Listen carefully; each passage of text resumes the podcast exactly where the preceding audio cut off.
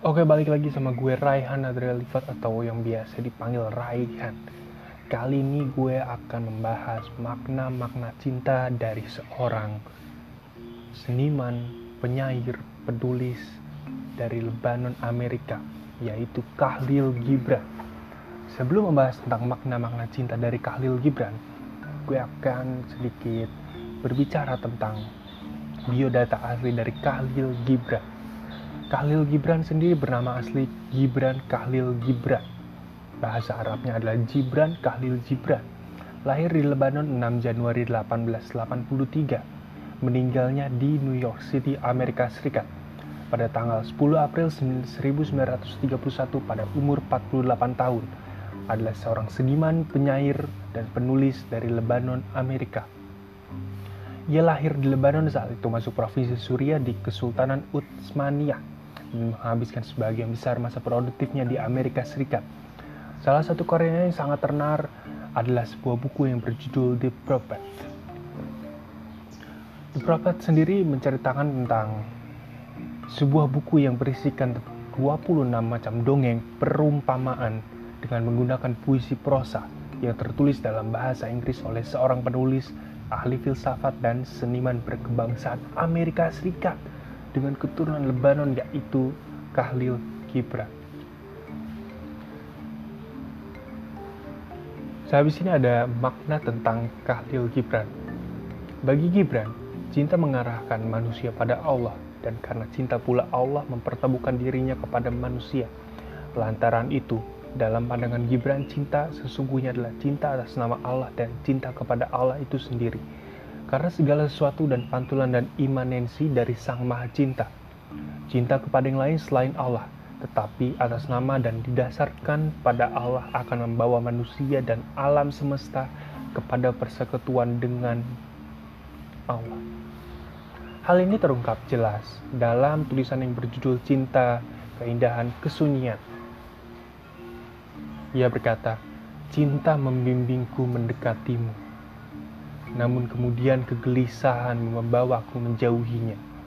Aku telah meninggalkan pembaringanku cinta karena takut pada hantu kelupaan yang bersembunyi di bawah selimut kantuk. Bangun, bangun cintaku dan dengarkan aku. Aku mendengarkanmu, kekasihku. Aku mendengarkan panggilanmu dari dalam lautan dan merasakan kelembutan sayap-sayapmu. Aku telah meninggalkan pembaringanku dan berjalan di atas rerumputan. Embun malah membasahi kaki dan keliman pakaianku. Di sini aku berdiri, di bawah bunga-bunga pohon almond, memperhatikan ruhmu. Gibran tidak hanya menekankan cinta sebagai dasar hubungan antara manusia dengan Allah, tetapi lebih jauh dari itu melalui dan dalam cinta manusia diarahkan, dituntun sampai pada tahap akhirnya hidup dalam persekutuan dengan Allah. Cinta melampaui keterbatasan manusia, menembus ruang fisik, dan berjumpa dengan Allah. Dengan demikian, cinta ditempatkan Gibran sebagai bentuk hubungan terpenting dan tertinggi, agar sampai pada persekutuan dengan Allah melalui cinta bagi Gibran.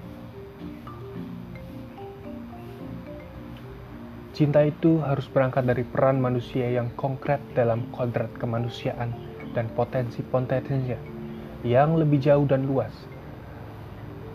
Dalam triloginya Sang Nabi, Taman Sang Nabi, dan Sang Guru, dengan jelas Gibran menggambarkan tentang hal tersebut.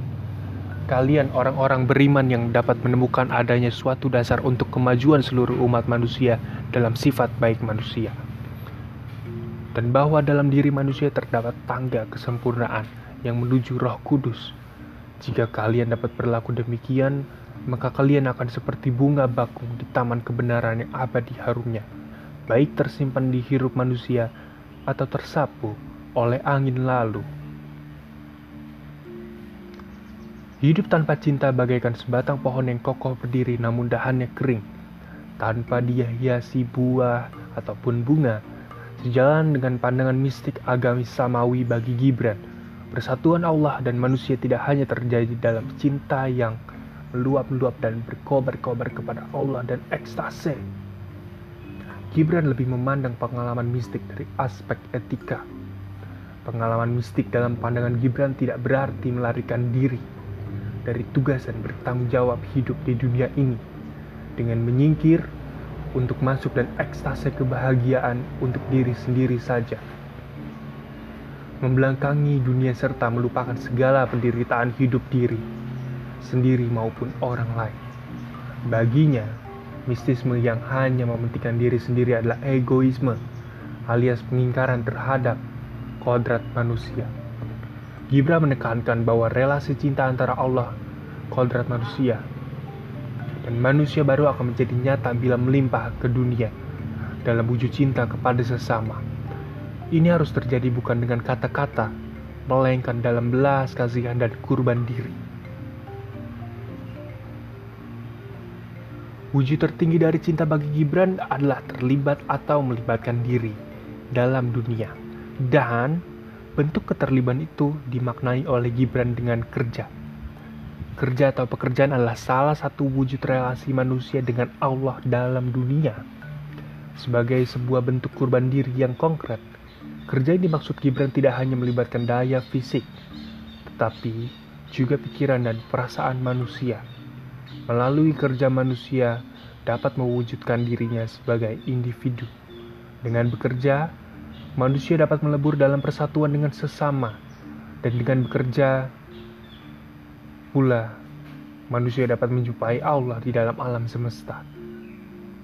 Hal ini dilukiskan Gibran dalam triloginya halaman 28 sampai 29. Gibran berkata, "Hidup memang kegelapan, jika tanpa hasrat dan keinginan, dan semua hasrat keinginan adalah buta.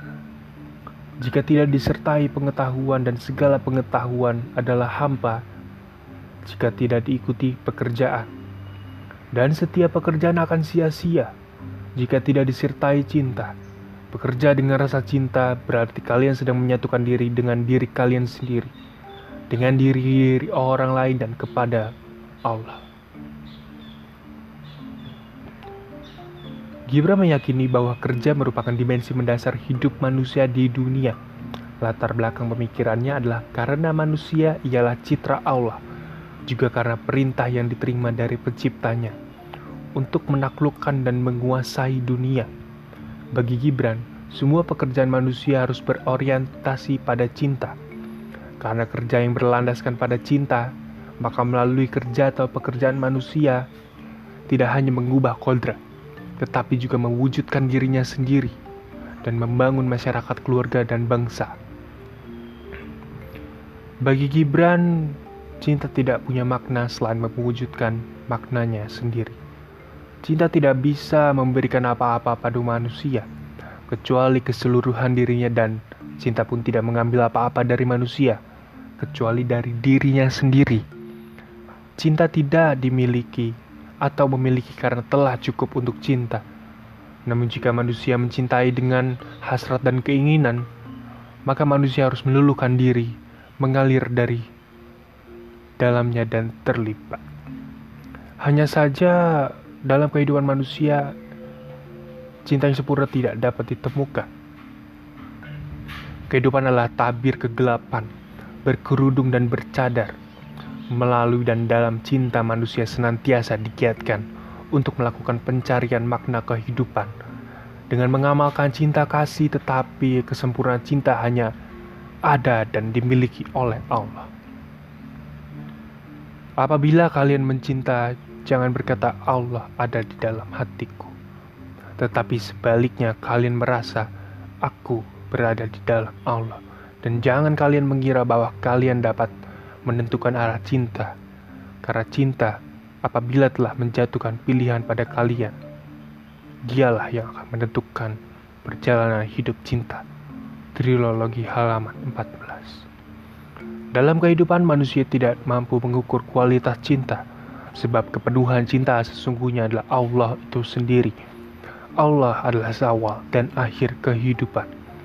Allah adalah cinta, maka hanya dan melalui cinta manusia berjalan dan mengarahkan dirinya kepada Allah. Selanjutnya, konten berikutnya di next session, episode berikutnya, gue akan membahas tentang buku dari seorang filosofis yang baru saja kita dengar tadi. Berjudul Dunia Cinta Filosofis Khalil Gibran. Oke, cukup sekian untuk podcast sesi episode keempat ini. Semoga apa yang gue ceritakan dan kalian dengar tentang Khalil Gibran bisa kalian renungi dan mengerti tentang seorang filosofis Khalil Gibran. Terima kasih. Selamat pagi.